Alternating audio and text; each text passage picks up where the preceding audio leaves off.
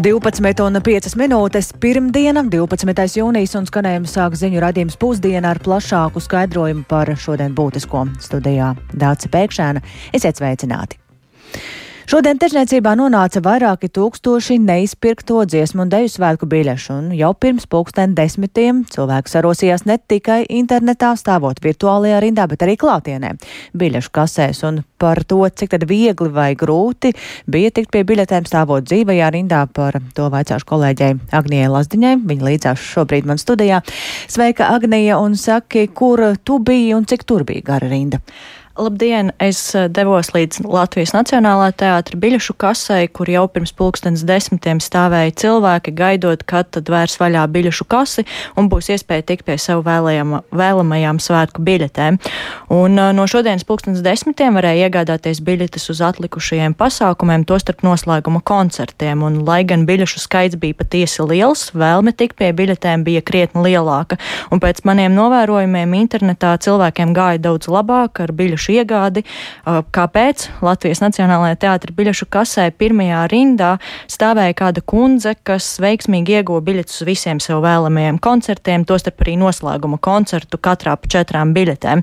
Tāpat tajā pašā laikā kāda sieviete, kas stāvēja rindā un gaidīja savu kārtu, veiksmīgi arī mēģināja savas iespējas iegādāties šīs pašas biļetes internetā, un tur viņa to izdarīja un dabūja biļetes tieši uz noslēguma koncertu. Taču visi pārējie, kas konkrēti bija septiņi cilvēki rindā pēc šīs kundzes, vairs pie biļetēm uz noslēguma koncertiem vai arī citajiem maksas pasākumiem netika.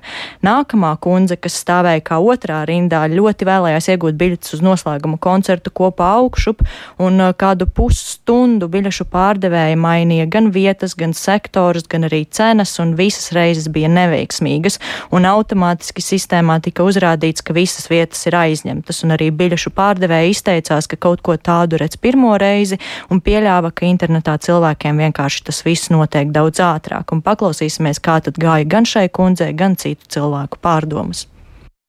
Es jau vēlējos nobeiguma koncertu, biļešu parādījās daudz, dažādās cenās pa 40, pa 60, pa 100, un tomēr nevienu no šīm nopirkt neizdevās, jo internets noblokēja.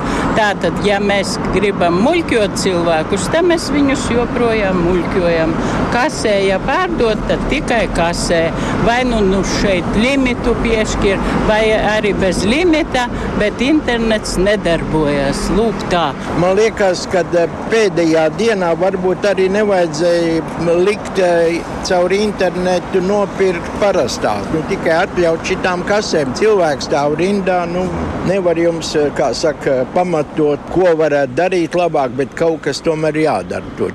Bet tā rūkuma sajūta tomēr ir uh, tajās nu, kasēs. Lietiņa, ka tais kasēs kaut kā nenodefinē, jo es būtu gatava nākt, piemēram, vakar vakarā un stāvēt, bet man nebija tā cerība liela, ka, nu, ja tas internets vai viņi tais kasēs tur tirgos, vai tur vispār daudz tās biļetes būs. Bet nu, tā garām ejot, jā, izrādās, ka tiešām bija pietiekoši daudz tās biļetes.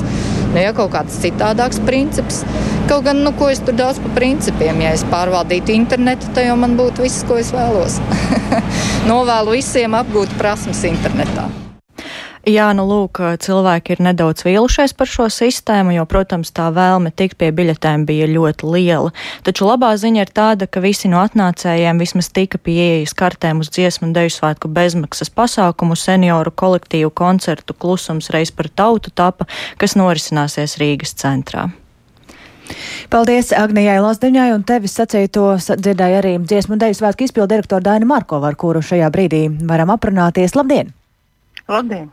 Uh, Kā ir, mēs tikko dzirdējām, kāds šis rīts bija pie Nacionālā teātra kasēm. Jums ir informācija arī par to, kāda bija situācija pie citām kasēm un vai vispār ir vēl kaut kādas biļetes palikušas? Hmm. Jā, labdien, paldies. Tātad, jā, tātad vienīgā rinda, kas, tātad, kas ir mūsu, kāda informācija ir mūsu rīcībā, ka tiešām tā ir bijusi pie Nacionālā teātra kasēm, ka pie citām bieži pardīs kasēm rinda pēc biļetēm šorīt nav bijusi. Protams, ka ir gandrīz, ka tik liels pieprasījums arī pēc šīm biļetēm, kas bija iepriekšējā rezervācijā, nebija neizpirktās biļetes. Nu, jāsaka, jā, man jāpiekrīt, ka nu, internetā veicās raitāk šī iegāde. Un, nu, un tad, tad dzīvajā rindā, nu, ka, nu, kā nu kuram veicās, jo nu, tā tas ir. Gribētāju ir daudz, un diemžēl visiem biļetes nepietiek, lai kā mēs gribētu. Bet vai šis nebija, šis nebija tomēr tas gadījums, nu, ka ir jāļauj izpirkt biļetes tiem, kas to nevar izdarīt internetā, nu, dodot iespēju tiem arī klātienē? Es domāju, ka tā, tas nebūtu īsti arī mūsdienīgs risinājums, jo uh, Tāpat jau mēs nevaram garantēt, ka šīs biļetes visiem klātienē, klātienē, klātienes pircējiem pietiktu. Un, kā jau iepriekš teikšu, man šķiet, ka nu, teiksim, tāda stāvēšana rindās pa nakti nu, tā nav cilvēku cienīga īsti. Nu, tāda nu, sistēma mūs, mūsdienās. Un es arī varētu piekrist, kā tā tas ir, ka ir jāapgūst jaunas prasmes un, uh, Tas mūs tikai pilnveido un palīdz mums iegūt vēl daudz citas jaunas zināšanas, domājot par internetu varbūt. Bet es arī varu piebilst, ka tā nav, ka nav vairs biķešas koncertiem. Ir arī vēl viens skaists um, tieši dziesmu svētku 150 gadē veltīts koru lielkoncerts, uz kuru vēl joprojām ik viens interesants var iegādāties biļetes. Tas patiesi būs ļoti skaists un pilnīgi uh, tāds. Uh, emocionāli bagāts koncerts. Kas vēl, kas vēl ir pieejams um, no Šobrīd, tātad, jā, šobrīd tātad, eh, tīrums dziesmas ceļš ir pieejams pēc uh, jaunākās informācijas. Un, uh, jā, šķiet, ka daudz vairāk, uh, daudz vairāk, diemžēl, iespēju vairāk nav. Vēl atgriežoties pie tiem, kas nevarēja nopirkt internetā un stāvēja pie kasēm, ko jūs viņiem šo, šajā brīdī ieteiktu, ko darīt vēl Nu, es, teicu, es, jā, es ļoti labprāt ieteiktu viņiem tiešām iegādāties biļetes uh, uz koncertu tīrums dziesmas ceļš. Tas ir lielā kopkora, liels skaists koncerts ar arī vairākiem jaundarbiem, ar ļoti interesantu scenogrāfiju. Un tādu dziesmu svētku sajūtu un izjūtu šajā koncertā būs iespēja iegūt pār pārējiem. Cilvēki nejutīsies tā, ka viņi nebūtu kaut ko redzējuši vai dzirdējuši, bet būs bijuši, būs bijuši daļa no svētku notikuma tiešām ieteiktu no sirds iegādāties biļetes uz šo mm -hmm. koncertu. Tās ir pieejamas arī par ļoti demokrātiskām cenām, gan uz ģenerāla mēģinājumu, gan uz pašu koncertu. Eh, paldies! Jā, tātad, lai izbaudītu meža parka atmosfēru, um, tikko dzirdējām, ka ir vēl iespējams iegādāties biļetes uz koncertu tīrums. Tā bija dziesmu un deju svētku izpildirektora Daina Markova, ar kuru sarunājāmies, un plašāk šo tematu tad noteikti arī turpināsim vēl redzīmā pēcpusdienu. Bet mēs tagad turpinām sekot Dobelē cietušās sievietes lietai. Jau stāstījām, ka pagājušās nedēļas izskaņā Zemgalas rajona tiesa Dobelē no apcietinājuma atbrīvoja vīrieti, kurš pirms diviem mēnešiem vairākas reizes sadūra savu sievu Rainu Vīksni, un viņa par notikušo arī pastāstīja publiski un neslēpa, ka par vīra atbrīvošanu ir satriekta, jo netic, ka viņas un arī bērnu drošībai būs gana ar tiesas aizliegumu pāridarītājiem viņiem netuvoties. Un šodien sarunā Latvijas radio sieviete bet atklāja, ka nu, ir tikusi arī pie advokāta. Viens, kas ir jāsaka, paldies, ka tomēr arī lietas izmeklētāji un policija dobelas ir kā, arī satraukušies un, un, un mēģina iesaistīties, kad uh, man ir uh, pieprasīts un jau nozīmēts valsts apmaksāts advokāts, ja, kas skata vismaz šo lietu un, un zina, ko nu, jau dara, jau dara ka mēģina panākt eh, netuvošanos ne tikai 200 metri ap māju, bet uh, visā ciematā, lai, lai, lai šī persona nevarētu uzturēties. Paši mēs, protams, saprotam, ka mums ar, ka neviens jau glābt mūs nevarēs, jo, jo arī kamēr policija atbrauc, ir vajadzīgs laiks. Tāpēc ir nolemts, ka mēs liksim kameras pa teritoriju, lai būtu arī pierādījumi, ja viņš kaut vai naktī tur ir atradies vai nācis kaut ko pētīt vai vienalga, ko darīt, lai, lai mēs redzam. Un tiek domāts arī par pašaizsardzību. Viens no variantiem ir, ar ko es runāšu otrdien ar policiju, man citi saka, ka ir iespējams arī aproces tām personām, kas ir cietušas. Rēna Vīksne ir arī aizvadītajās dienās novērojusi, ka tuvumā viņas dzīves vietai vairāk ir patrulējusi policija, un drīz pēc tam, kad par notikušo arī runājusi medijos, tad arī līdzcilvēki ir dalījušies ieteikumos un piedāvājuši savu palīdzību. Taču vairāk par to raidījumā pēcpusdienu. Turpinām ar jaunāko no Ukrainas. Tur vairākos frontes sektoros turpinās Ukrainas pretuzbrukuma darbības, un, lai gan pagaidām par lielu izrāvienu runāt nevar un uz notiekošo ir jāraugās piesardzīgi, tomēr ir ziņas, ka Ukrainas armijai ir izdevies atkarot vairākas apdzīvotas vietas, un par to šobrīd varam vairāk sarunāties ar kolēģi Rihārdu Plūmi, kurš pievienojas tiešraidē. Sveiks, Rihārd! Jā, labdien! Ukrainas armija tiešām turpina virzīties uz priekšu vairākās vietās, un viena no tām ir Donetskas apgabals. Uh, Ukrainas armija šorīt vēsta, ka šajā apgabalā ir izdevies atbrīvot uh, Storoževojas ciemu. Šī apdzīvotā vieta ir okupēta kopš uh, pērnā gada mārta, un atbrīvošanas laikā tikuši nogalināti aptuveni 90 okupanti un daži arī sagūstīti, un tāpat Ukrainas aizsardzības ministrija ir apstiprinājusi Blahodatnes un Makarivkas ciemu deokupāciju Donetskas apgabalā un tiek vēstīts arī par neskūčnes ciema atbrīvošanu šajā apgabalā. Paklausīsimies, ko teica viens no šī neskūčnes ciema atbrīvotājiem. Операція почалася приблизно о 5 ранку. Operācija sākās aptuveni pulksten 5 no rīta. Mēs izsēdāmies no bruņu mašīnām un sākām šturmēt. Sākumā pretinieks izrādīja pretestību, centās mūs nospiest ar savu artilēriju. Mums izdevās pārņemt iniciatīvu un pamazām māju pēc mājas sākām atbrīvot ciemu. Хата за хатою почали звільняти село. Ukrainas armija pamazām virzās uz priekšu arī dienvidos virzienā no Zaporīžas uz Melitopoli. Arī dienvidos šķiet ir atbrīvotas apdzīvotas vietas, tomēr nav konkrēta Ukrainas apstiprinājuma. Jāsaka, ka analītiķi pagaidām situāciju vērtē piesardzīgi, proti vietām ir panākumi, bet vietām virzība arī notiek lēnāk, un skaidrs ir tas, ka Krievija ir izveidojusi vairākas aizsardzības līnijas, aiz kurām vēl tikai seko galvenā. Skaidrs arī tas, ka nekāda detalizēta informācija no Ukrainas puses pretuzbrukuma darbību laikā netiks sniegta, līdz ar to reāli reālo situāciju un panākumus nav tik viegli noteikt. Tomēr iezīmējis mērķi un lūko saka analītiķis Aleksandrs Musjenko. Здесь понятно, цель удара – это движение на Мариуполь. Šī trieciena mērķis ir skaidrs. Tas ir virziens uz Mariupoli, kas skaidri nolasās, un uz Orīhivu, Tā faktiski ir Krievijas spēku nogriešana un sausā koridora nogriešana uz Krimu, atgriešana no loģistikas ceļiem. Savukārt darbības vairākos virzienos notiek ar mērķi izkliedēt pretinieka spēkus, izstiept fronti, lai pretinieks nespētu koncentrēties uz aizsardzību vienā vietā. Jā, un pēc viņu domām, pēc šīm dažām pretuzbrukuma dienām var secināt, ka vismaz līdz šim pretuzbrukums notiek pietiekami sekmīgi, jo ir gan izstiepta aizsardzība, gan atbrīvotas apdzīvotas vietas.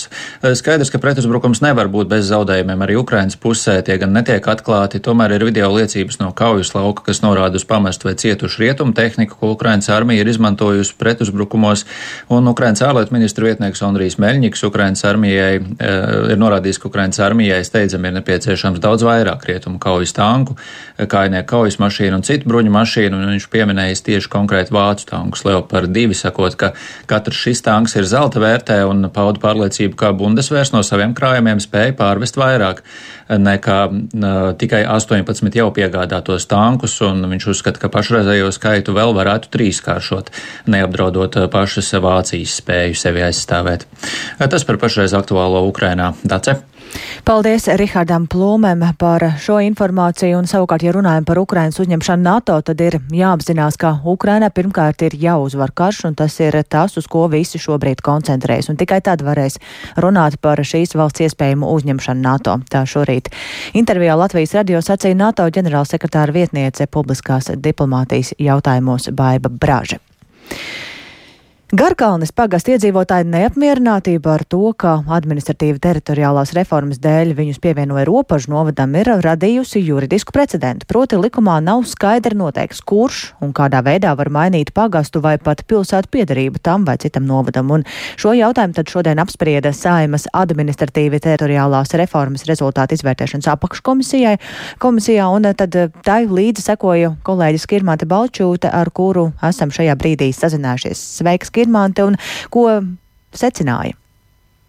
Jā, labdien! Um, administratīva teritoriālā reforma tika veikta uz kartes, nevis reāli ievērojot iedzīvotāju interesi. Intereses. Šādu viedokli apakškomisijas sēdē pauda vides aizsardzības un reģionālās attīstības ministrs Māris Sprindžuks.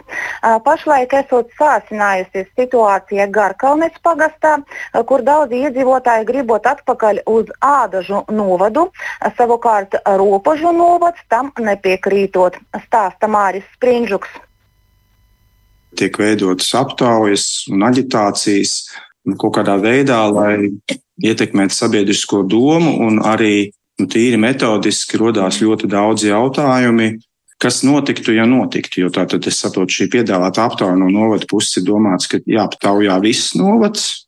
Nu, tātad pēc analoģijas padomjas Savienībā būtu bijis jālemj, vai ļaut Latvijai atvienoties vai nē varam tikai minēt, kāds būtu rezultāts.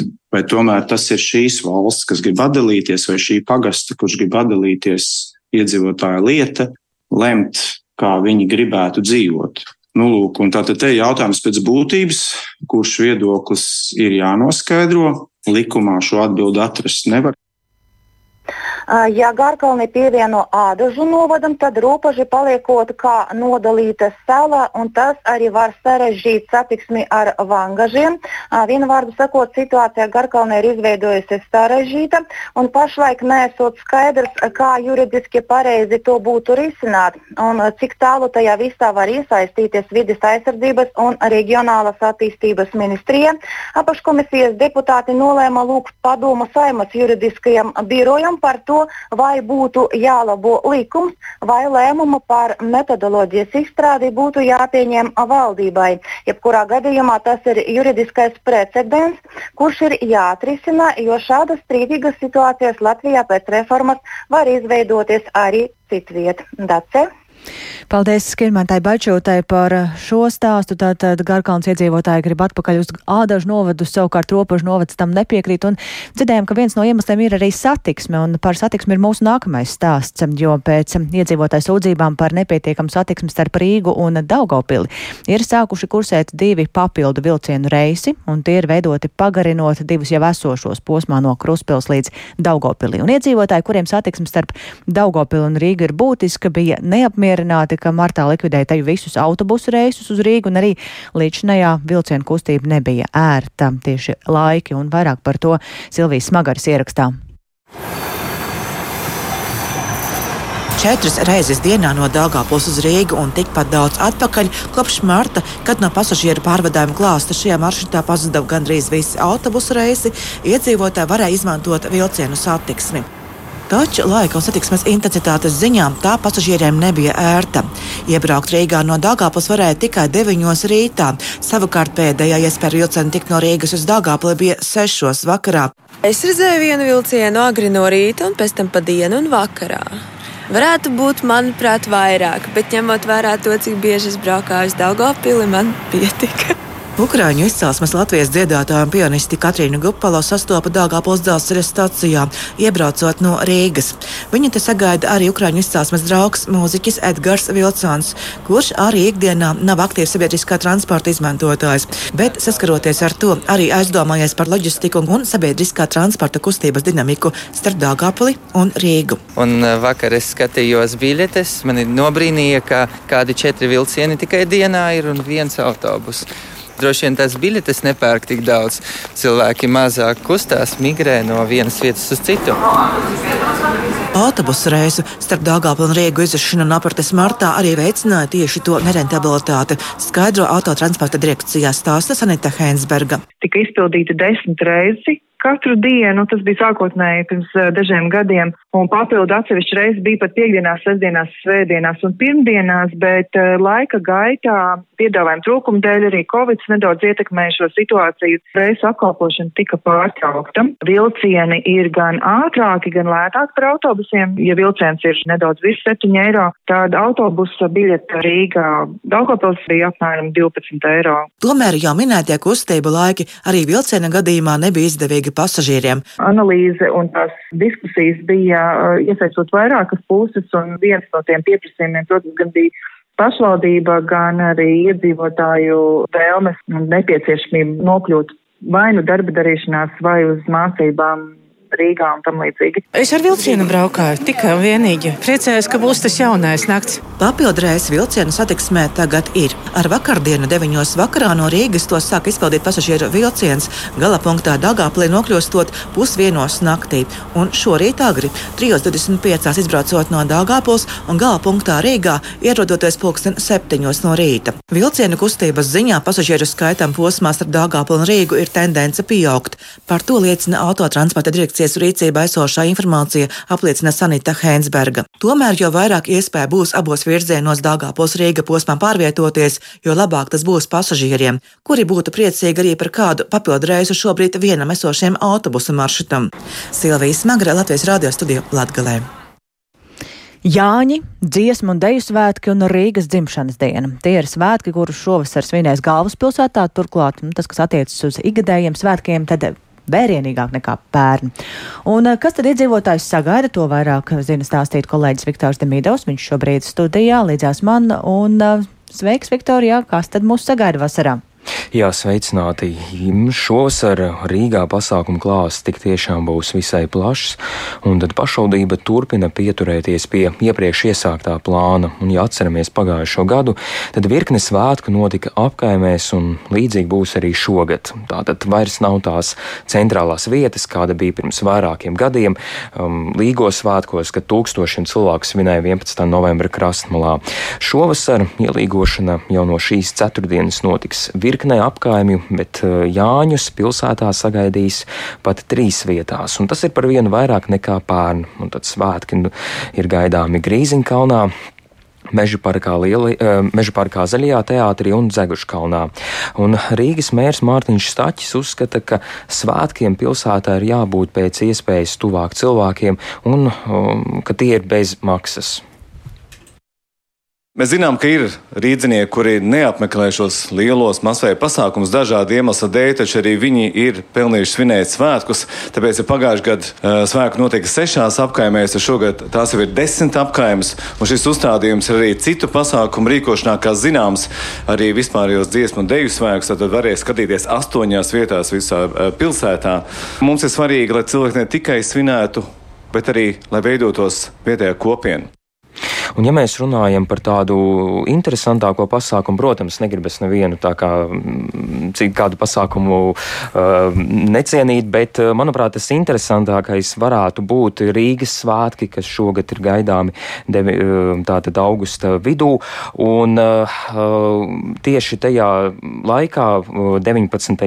augustā, uh, 18. augustā piekdienā, tad ir gaidāms vērienīgākais uh, dronu šovs Baltijas valsts valstīs, un tā to um, šodien paziņoja Mārtiņš Staķis, bet uh, vairāk par dzimšanas dienas pasākumu, pasākumu gaid, kādi pasākumi ir gaidām, pastāstīs Mārtiņš Mielaus. Mēs noteikti gribam, lai svētki ir pieejami, lai viņi nav nekādā veidā kaut kas tāds attāls un snobisks. Līdz ar to viņi notiek arī daudz kas notiks arī bez skatuvēm pilsētvidē. Kā lielākais no tā jā, jāmin ir cirka sadaļa, kur būs kā 4 līdz 5 cirka priekšnesumi, kas vairākas reizes dienā norisināsies dažādās vecrīgas vietās. Tāpat tās mums ir kādas pārsteļošās izrādes kā arī speciāls svēku noformējums tiek veidots. Tas nav tikai uz vienu gadu, pāris gadus varam likt. Jā, tad es saprotu, ka gan Jāņa, gan arī Rīgas svētki, nu, tas, tā galvenā koncentrēšanās ir uz apkaimēm, ne tikai Rīgas centrā. Tas ir tas jaunāk, jaunākais un būtiskākais. Jā, tas ir jaunākais, un, nu, principā arī paša pati pašvaldība jau turpina to iesākt, to līdzīgi kā tas bija iepriekšējos gados, un turklāt viņi paplašina, un viņi iet plašumā, piemēram, tā ielīgošana notiks 13 apkaimēs, ja no, no virknē, nu, daudzās nenotiks, bet salīdzinot ar iepriekšējo gadu, tas arvien paplašinās, paplašinās, un tad pašvaldība kā var noprest, tad iet un tādā veidā var um, attīstīt, un, un, un, un cilvēki tad uh, neskries uz pilsētas centru, bet uh, baudīs to pilsētas pasākumu sev pie mājas. Jā, redzījuma sākumā dzirdējām, ka daudzi nav tikuši pie dziesmu svēku biļetēm. Tas nozīmē, ka arī dziesmu svēku sajūtu varēs sajust uh, apkaimēs. Uh. Jā, noteikti arī, kā, kā jau arī Staķis bija pateicis, jā, tad uh, vairākās apkaimēs tik tiešām to varēs uh, baudīt, un, un to pašvaldība var tā noprast centīsies to izdarīt. Paldies kolēģim Viktoram Demīdovam par ieskatu Rīgas um, svētkos, kas šajā vasarā mūs sagaida, un ar to arī izskan raidījums pusdiena. Tā producenta Ilza Agīnta ierakstus montēja Kaspars Groskops par labskaņu rūpējās Mārtiņš Paiglis un ar jums sarunājās Dāca Pēkšēna. Vēl īsi par būtiskāko. Šodien tirniecībā nonāca vairāki tūkstoši neizpirkto dziesmu un deju svētku biļešu. Ne visi tika pie kārotajām biļetēm. Sieviete, kura piedzīvoja vīru uzbrukumu un tagad satriekta par viņu atbrīvošanu, ir tikusi pie advokāta. Mēs ēterā tiekamies atkal rīt.